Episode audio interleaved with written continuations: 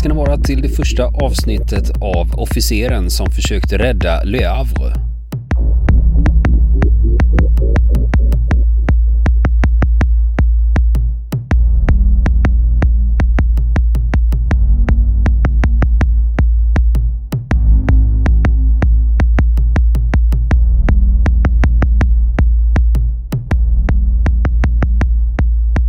Niklas, vi har ju pratat lite om eh, D-dagen ganska nyligen. Ja, precis. Pratat precis. om Mullbergshamnarna och sådana grejer. Och nu Ja, ska vi då det. gå vidare på nästa steg för nu ska vi prata om Le Havre. Ja. Och det är ju i norra Normandie som Mm. det ligger. Och eh, D-dagen har vi pratat om Mm. eh, och där lyckades man upprätta ett fäste och sen långsamt mala sig framåt. Landstigningsstränderna i Normandie de ligger ju som en bukt och nordöst om de här då vid Seines mynning Mm. på norra delen av Seines mynning där ligger hamnstaden Le Havre. Och det var en betydande hamnstad. Den var näst störst i Frankrike och det var en stor hamn som både tyskarna och allierade var intresserade av av naturliga skäl. Så när vi pratar om. Mullbergshamnarna så vi Hamnar behöver man. berört Precis. det där med hamnar då. Och under maj 1940, tyskarna intar ju Frankrike och då anlände mängder av flyktingar, även från Holland och Belgien, till Le Havre för att försöka ta sig ut därifrån. Så det var ett stort lämmeltåg av flyktingar som kom dit. Och det här var samtidigt som evakueringen av Dunkerque som Le Havre började bombas av tyskarna. Och tyskarna hade order att bomba alla hamnar som kunde evakuera utländska styrkor. För det fanns ju fortfarande i Frankrike som drevs Ja, ut då med den stora evakueringen i Dunkerque då till exempel. Och samtidigt så påbörjas en evakuering från Le Havre och då är det söderut för då är man på väg ner mot Bretagne. Så det, tyskarna trycker ju eh, flyktingarna framför sig Ja. i takt med att de drar sig söderut. Men nu var det så här att eh, där ligger Le Havre lite dumt till. För järnvägen från Le Havre, den går inte söderut, den går in mot land. Och det är där tyskarna är. Så man kan inte använda tåg. Och då tänkte man så här, men kan, hur tar man sig över Seine då om man ska söderut? Då var det så här att eh, Le Havre och eh, eh, Rouen, heter det Rouen, den stan? Ja, jag är inte, ingen expert på franska men eh, Ja. heter då, så. Då Ja. var det så här att eh, Le Havre och Rouen, de var, låg lite i fejd med varandra de här två städerna, för de var båda hamnstäder. Mm. Det gjorde att de hade aldrig kommit överens om att bygga en bro över, över Seine.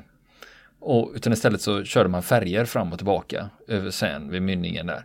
Och det var ju det som blev problem. Att hade du haft en bro, då hade den här evakueringen vid Le gått mycket smidigare. Ja. Nu gjorde det inte det utan nu var det färjor med, med mängder med folk och, som översteg färgernas Den här kapacitet. grannfejden fick oförutsedda konsekvenser kan man säga. Ja, jo, det var ju faktiskt eh, eh, det som hände då. Men vi, vi pratar ju om maj 1940 då. 9 juni, då är Le Havre fortfarande i franska händer och franska militären beordrar att oljeraffinaderiet ska förstöras oljan och raffinaderiet inte faller i tyskarnas händer. De sätter eld på anläggningen och rökutvecklingen är så kraftig att invånarna upplevde det som en solförmörkelse i stan. Så mycket rök var det. Och det var så kraftig rökutveckling att temperaturen sjönk i stan. För att eh, röken skuggade solen och eh, Ja. Då, då är röken tät. då är det tät rök. Ja. Mm. I Le Havre var det förvirrat under den här perioden för man visste ju att tyskarna är på väg in. Och de som var offentligt anställda, de hade redan evakuerat, de hade stuckit. Så när det började brinna i samband med tyskarnas bombningar, då fanns det ingen brandkår kvar som kunde släcka. Och då kan man tycka vilka svin det är som sticker och lämnar civilbefolkningen i händerna på det här. Men det var, det, så, så var det inte riktigt för att eh, av bombningarna så hade brandkårens utrustning redan förstörts. Så de hade ändå inget. De hade inget att släcka med. De hade inget att släcka med och då tyckte de att det är lika bra att vi, vi sticker. Och sen var alla butiker stängda så det gick inte att få tag på mat och det hände att invånarna plundrade butiker och andras hem då, tomma hem för att få tag på mat. Och även nationalgardet hade stuckit. Så det fanns ingen som kunde hindra plundringarna heller, utan det här är verkligen en stad är vilda i, västern. i förfall. När alla civila funktioner, eh, alla myndighetsfunktioner försvinner. Då blir det ju anarki. Va? Men grejen var att hamnen var ju fortfarande i drift och där kunde man fortfarande evakuera. Och det var det man höll på med nu. Evakuering, evakuering, evakuering. Och flera fartyg skickades dit för att hjälpa till med evakueringen. Det här är 11 juni. Skickar man dit kryssningsfartyget General Metzinger. Det skickas dit för att, för att eh, ta med sig flyktingar. Men det bombas sönder av tyskarna i hamnen. Sen kommer det ett belgiskt fartyg och det väntar på att få komma in i hamnen. Då bombas det och sänks. Då går inte det att använda. Sen det brittiska linjefartyget The Bruges. Bruges det betyder väl brygge. Mm. Bruges är brygge på engelska för mig. Det håller precis på att lä- lägga till i hamnen för att ta emot flyktingar. Då bombas det och sänks. Så att den här evakueringen är eh, helt stentuff. kört. och det är alltså soldater och eh, civila som är på väg ut. Men det finns ett fraktfartyg som heter Neo B. Det lyckas lasta ombord 800 flyktingar och lämna hamnen. Problemet var att Neo B, det var egentligen en fraktbåt och den hade inte hunnit tömmas på sin last innan den kom till Le Havre. Lasten var ammunition och sprängämnen. Så de kör in i Le Havre, lastade med eh, ammunition och sprängämnen, på med 800 flyktingar och sen utåt då. Sen efter två timmar till sjöss, då blir de upphunna av tyskarna som bombar Neo B. Och den träffas och exploderar ute i kanalen. Av över 800 passagerare plus besättning så överlever bara 11 personer. Och just Neo B, den är lite intressant för det gick många rykten om det här fartyget efter kriget. Just sänkningen av Neo B. För det sades att många av flyktingarna, de kom från Nederländerna och Belgien, att de hade med sig mycket diamanter. För diamanter är ju värdefulla och lätta att bära med sig och då förutsatte man att men det var nog mycket belgare som kom från Antwerpen och sånt som hade diamanter med sig. Och det här ryktet om att det fanns diamanter ombord på vraket Neo B, det levde ända fram till år 2002, för då gick dykare ner och gick igenom hela vraket och de hittade ingenting annat än gammal ammunition. Men vem vet? De kanske inte hittar diamanterna. Det kanske Nej, ligger en precis. skatt eh, på havets botten Ja. utanför, utanför Le Havre i vraket Neo B. Det Eh, brukar vara så med en del flyktfartyg som används, till, till exempel de tyska som eh, 1945 på Östersjön. Det har också gått sådana rykten om skatter ombord och så vidare. Och där ser man att tydliga spår har dykare hittat av plundring i vissa vrak. Att man har skurit ut delar av skrovet för att komma in från sidan och så. Det här borde vi nästan titta på i ett enskilt avsnitt, men det här med Mm. fascinationen för skatter från andra världskriget. Jag menar, redan nu pratar man ju om ett eh, nazitåg i Polen som Ja, är fullt visst. med guld. Och, Ja, Det tidigare var det en sjö i Alperna som skulle vara full med nazistiska guldtacker och i många år. Ja. Topplitssjön. Och, och sen sjön vid Karin Hall. Ja, hade, ja, där hade han väl... det har man ju eh, faktiskt hittat. Där hade man ju dumpat eh, Ja. konst. Där har man ju hittat gamla skulpturer då som man har bärgat och återbördat till sina ägare. Mm. Så, så att eh, det är ingen rök utan eld men sagorna är väldigt, eller legenderna är väldigt överdrivna om de här skatterna. I want to believe. Jag. Jag vill, precis. precis som det polska guldtåget. Polska guldtåg. Det tror jag på när jag ser det. Ja, precis. Eh, Vi får väl se. Men det kan vi återkomma till faktiskt här framöver och se hur det går. med det polska guldtåget. Ja, Ja, spännande. Hur som helst, nu är vi framme vid 13 juni 1940 och då rullar de första tyska förbanden in i Le Havre.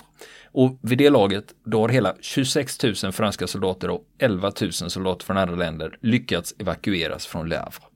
Så då ska man då mäta eh, om det var en lyckad evakuering eller inte så får man väl ändå säga att det var att få ut 37 000 trupper är ju ganska bra. Man får ju tänka på att det var mot alla odds också. För att det fanns inget luftvärn att tala om vid Le Havre heller. Utan där hade, hade Luftwaffe fritt spelrum i stort sett. I, I luften ovanför och kunde göra som de ville. Eh, riktigt så enkelt var det inte vid Dunkerque. Där den stora militära evakueringen skedde. För där fanns det ju både brittiskt flyg och eh, luftvärn på marken. Mm. Mm, så det, om man ska man jämföra det så kan man ju säga att det skedde med betydligt mer mot alla odds vid Le Havre. För den var mer oskyddad. Ja, precis. Precis, men nu har tyskarna tagit över stan från 13 juni 1940 och framåt. Och då blir det ju ockupation med allting vad det innebär. Och det fanns en aktiv motståndsrörelse i stan, precis som i många andra franska städer. Som sig bör ska man väl säga. Vi har ju Ja, sett några tv-serier och filmer som handlar om Le Resistance. ja just det. Och det är ju också en separat historia när man pratar om franska motståndsrörelsen. För där finns det ju också mängder med historier som vi inte ska gå in på här. Ändå, Le Havre hade varit utsatt för jättekraftiga bombningar i juni 1940 av tyskarna. Och sen började man då bygga skyddsrum i stan. Och det var faktiskt något som man hade saknat dessförinnan. Så den var väldigt oskyddad på det viset. Men nu börjar ju de allierade bomba stan istället under kriget. Och det största skyddsrummet som finns att tillgå i Le Havre under andra världskriget, det är egentligen inte ett skyddsrum utan det är en tunnel eh, som heter Tunnel Jenner, alltså Jenner, J-E-N-N-E-R, Jenner-tunneln då på svenska. Och den skulle förbinda nedre delen där hamn och centrum ligger och sen finns det uppe på en eh, klippa blir det som andra delen av stan ligger så det är en höjdskillnad och för, för att förbinda de här skulle man då bygga en tunnel och det fanns jättegamla planer på det.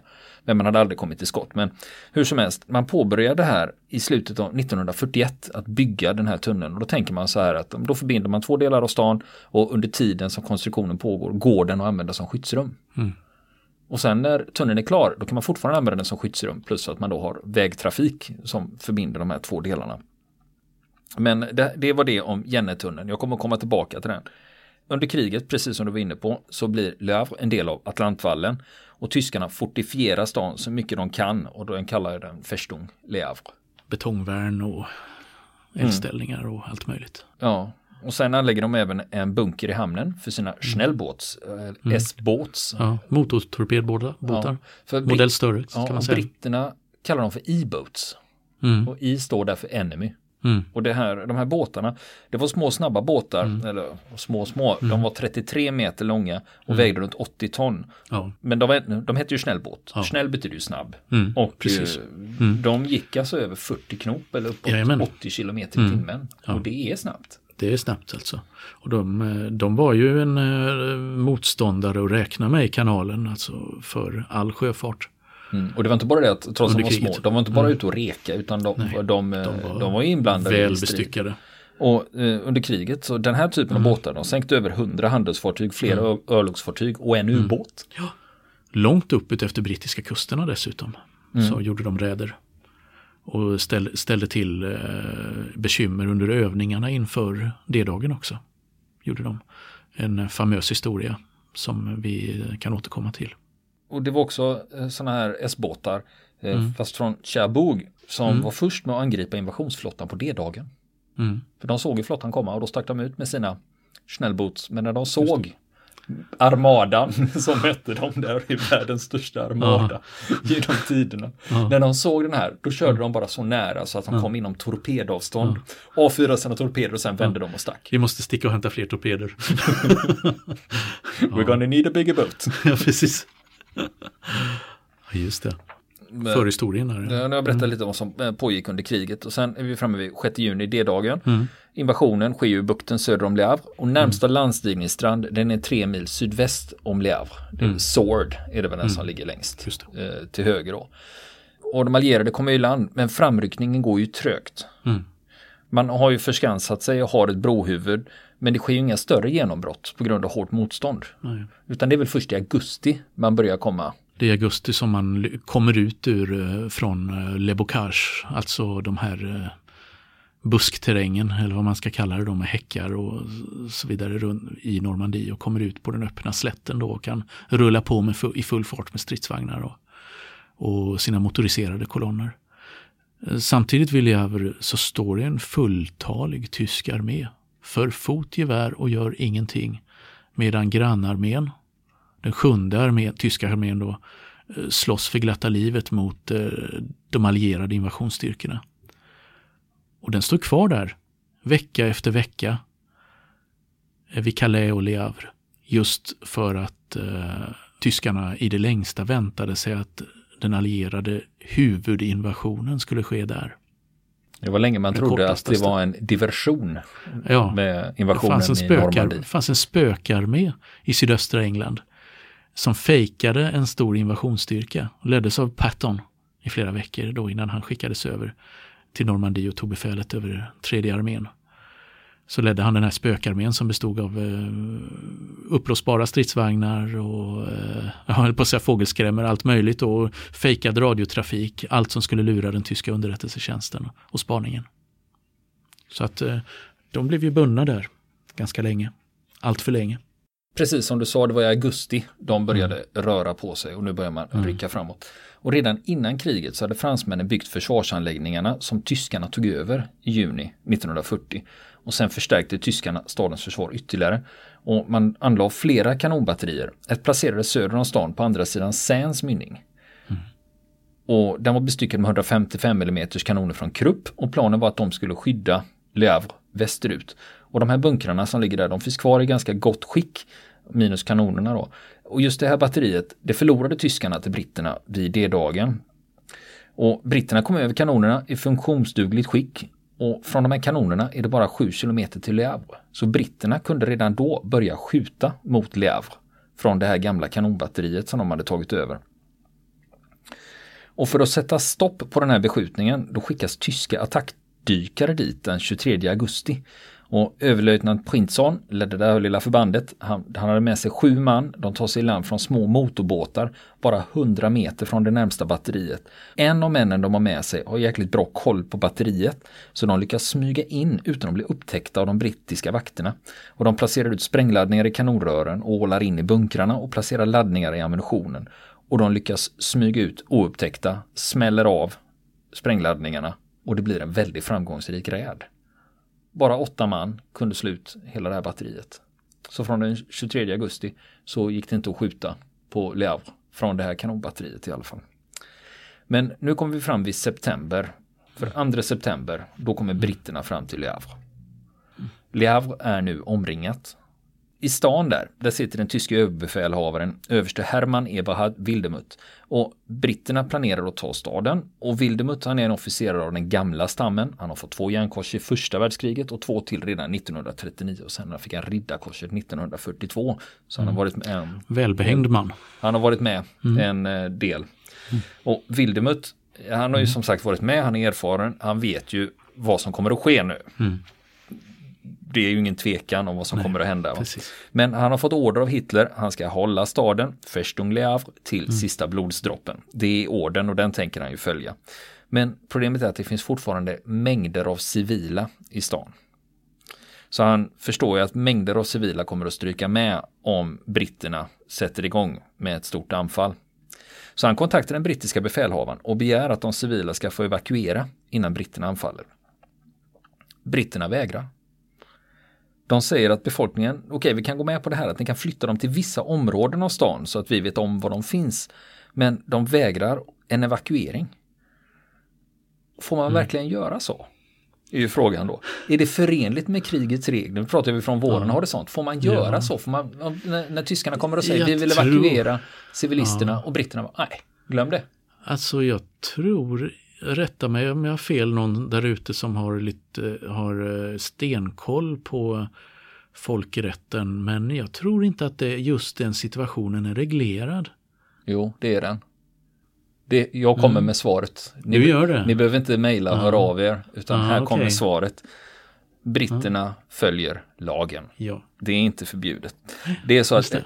Och, det här, och anledningen till att de har rätt att neka mm. en civil evakuering av mm. en befäst stad.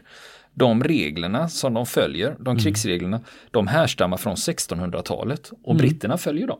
Mm. För enligt de reglerna då kan angripare neka en evakuering av civila. För då räcker fiendens förråd kortare tid och fienden ger upp snabbare. Just det. Och det var ju sådana här gamla fortifikationsbelägringar mm. ja. som ligger till grund för den här, de här reglerna. Just det. Så britterna gjorde inget fel. De hade ryggen fri. Även om man då kan lägga in en moralisk aspekt på det här. Mm. Och nästa vecka fortsätter vi med andra delen av officeren som försökte rädda Le Havre. Nu ska vi prata om krigsfilm och i vanliga fall så brukar vi prata om filmer som vi rekommenderar eller ni tycker ni borde se. Den här gången ska jag ta upp en film som eh, jag inte tycker ni bör se men den kan vara intressant att se ur ett annat perspektiv. Mm. Den heter Fortress och den är amerikansk och är från 2012. Och den handlar om amerikanska bombbesättningar i Nordafrika under andra världskriget. När de utför bombräder mot italienska mål. Den har jag sett. Du har sett den, grattis! Niklas har sett ja, samma film jag har sett jag en film. Jag har sett en film som Robert har sett. ja, till slut. Ja. Jo, och varför? Eh, det är bra att du har sett den för då kan du komma med ett inlägg mm. där. Och vad är det som är grejen med den här då när jag säger att man inte ska se den? Eh, jag tar upp den för att det här är ett eh, strålande exempel på hur vi kommer att få se filmer i framtiden tror jag. För majoriteten av allt som är filmat i den här filmen är datoranimerat. Mm. Och det har jag aldrig sett i en film så Mm. till den milda grad. Animationerna ska vi säga till deras försvar att de är hyfsat trovärdiga. Det är liksom ganska bra kvalitet på dem. Det är ju tyvärr Mm. så att trots att vi befinner oss i 2012 när den här filmen gjordes så är det ju extremt avancerade animationer och extremt hög trovärdighet. Mm. Men ändå lyser det igenom att det är animerat. Med tränat öga kan ofta se det i den här, dessa tider. Mm. Och som en, man är van vid datorspel och så vidare och kan man lätt upptäcka det. Ja. Men på ett sätt så tycker jag att den här utvecklingen gör ju också att eh, man kan göra saker utan att ha tillgång till resurserna. Mm. Jag menar, här behöver du fem skådespelare i ett tält när det inte Ja. är flygscener. Precis. Och, och sen resten är animerat. Ja, och, det, och det gör ju Ja. att eh, det, Det blir jäkligt trist. vi, men vi kommer Mm. nog att få se Mm. mer sånt här när man inser att ja men skillnaden var ju före de här andra kända filmerna om bombflyg som till exempel Catch 22. Den är ju filmad Mm. Ja, och eh, även Memphis Bell. Där, man också har med och, riktiga bombflygplan. Och, och det blir skillnad när man då inte behöver alla de här resurserna, alla de här bombflygen. Utan äh, vi animerar det. Och ibland kan det kännas lite lättvindigt i filmbranschen att äh, det blir dyrt och jobbigt, kan vi inte animera det? Att man tar den vägen. Just det. Och, men det här bygger också på att i fram, vi kommer nog att få se mer sånt här. Mm. När man kan animera. Visst, precis. Det har du rätt i. Det kommer, det kommer nog bli eh, det positiva med det. Att kanske det som kallas för specialeffekter kan göras mer spektakulära. Mer, eller mer, på ett sätt mer trovärdiga. Men det negativa är att man eh, ofta upptäcker att det är animerat. Ja, det är ju, Ja. det, är ju det att både till Ja. exempel när det gäller mynningsflammor och träffar idag i en del Mm. Ja. filmer är animerat och ibland så lyser det igenom. Mm. Ofta är det rör, själva rörelsen när man inser att det, det är någonting som svajar i kanske någon eh, som ögat uppfattar kanske bara någon kvart sekund eller någonting men det räcker för att man ska bli misstänksam och börja bli vä- väldigt vaksam när det gäller de här animeringarna. Man inser att nej men så rör det sig inte riktigt. Någonting. Sådär, att, att det stannar till eller blir lite segt på något ställe eller ja ni vet. Liksom. Vill ni se exempel på dåliga animationer så eh, det kom en, eh, en krigsserie till, eh, det var ett dataspel som heter Company of Heroes. Och de skulle spinna lite på Band of Brothers grejen då. Och spelen i sig, de är väl inga konstigheter, det är som Call of Duty, de, de gamla Call of Duty ungefär. Men så skulle man göra en film på Company of Heroes och då tänkte jag, ja men okej, en andra världskrigsfilm. Och det som jag slogs av det var alltså extremt dåliga animationer. Och min 12-åring som sitter hemma och fipplar med datorn ibland, eh, jag, jag säger, säger det till honom, du kom och titta på den här effekten när de spränger en stridsvagn. Och han bara tittar på den, skakar på huvudet och säger det gör jag bättre i After Effects på två minuter. Så, så, att, eh, så det är liksom någonstans där man ligger så, Company of Heroes. Sen tappade jag intresse när det blev övernaturligt halvvägs in i filmen. Och eh, stängde av den. Så jag har inte sett slutet, det kanske blev jättebra, jag har inte en aning. Nej, sen har jag, jag har inga riktigt bra exempel på det jag tänker säga nu, men just när det gäller animering. Jo, det, det, fin, det fanns en serie som har gått på History Channel och, och Discovery Channel om pansarslag för, för länge sedan. Om den hette Greatest Tank Battles eller någonting sånt. Där man tog olika exempel i historien. Där gjorde man mycket animeringar. Tydliga dataspelsanimeringar av det där. Och fine, det funkar i det sammanhanget för att eh, illustrera någonting som man inte skulle kunna visa annars. Det är Men, 3D-grafik blir det ju Ja, det. precis. Det blir som 3D-grafik. Men, men när du gör till exempel, eh, och så har de ju effekter då, visar effekter med eh, stridsvagnar till exempel som får en fullträff. Och eh, en ammunitionsbrand ombord eller någonting. Och det blir inte riktigt trovärdigt för de har inte alltid riktigt koll på hur det ser ut i verkligheten. När någonting sånt händer. Nej, men det, det känns Mm. lite som att en explosion är en explosion. Ja, precis. precis. Vadå, vad vill du ha mer liksom? Ja, det visst. exploderar ju. Nej, precis. Mm. Och det, det, har man, det har man ju lyckats i en del, eh, eh, vad, vad heter den filmen, eh, Fury. Furia. Där har man ju lyckats få till ganska trovärdiga, Animationen. ja, ja jag tror att det är animationer. Ja. Ja. de har inte sprängt folk på riktigt. Men eh, där, där, hur, det, hur det faktiskt eh, går till när du blåser tornet av en stridsvagn eller när eh, en träff går in i pansarplåten. Hur, hur ser det ut? Ja, de har till och med fått till glöden i kanten på, på eh, där projektilen har gått in.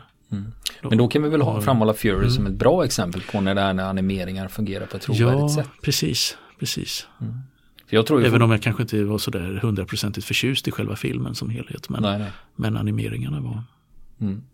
Förr använde man ju sådana här blodpaket under kläderna, så kallade squibs. Som skulle illustrera när någon blev träffad då. Ja. Och det var ju det som under lång tid satte standarden för hur en skottträff ska se ut. Mm. Medan idag är det animerat på många håll. Ja, precis. Just det. Av olika kvalitet skulle jag vilja tillägga. För det ibland finns mm. det att man använder sig av stock footage mm. som det ser ut som rena skiten. Mm. Så att det är väldigt blandat. Men det beror ju på ambitionen hos de som gör ja, filmen. Ambition och budget. Mm. mm. Precis. Men den filmen vi inledningsvis började prata om som exempel på det här mm. med animeringar Fortress. i krigsfilm, det är Fortress från 2012. Vill ni komma i kontakt med oss så kan ni göra det via vår Facebook-sida som heter Fronten. Det är inga problem för er att leta er fram där. Eller också så mejlar ni på vår mejladress och det är frontenpodcast.gmail.com.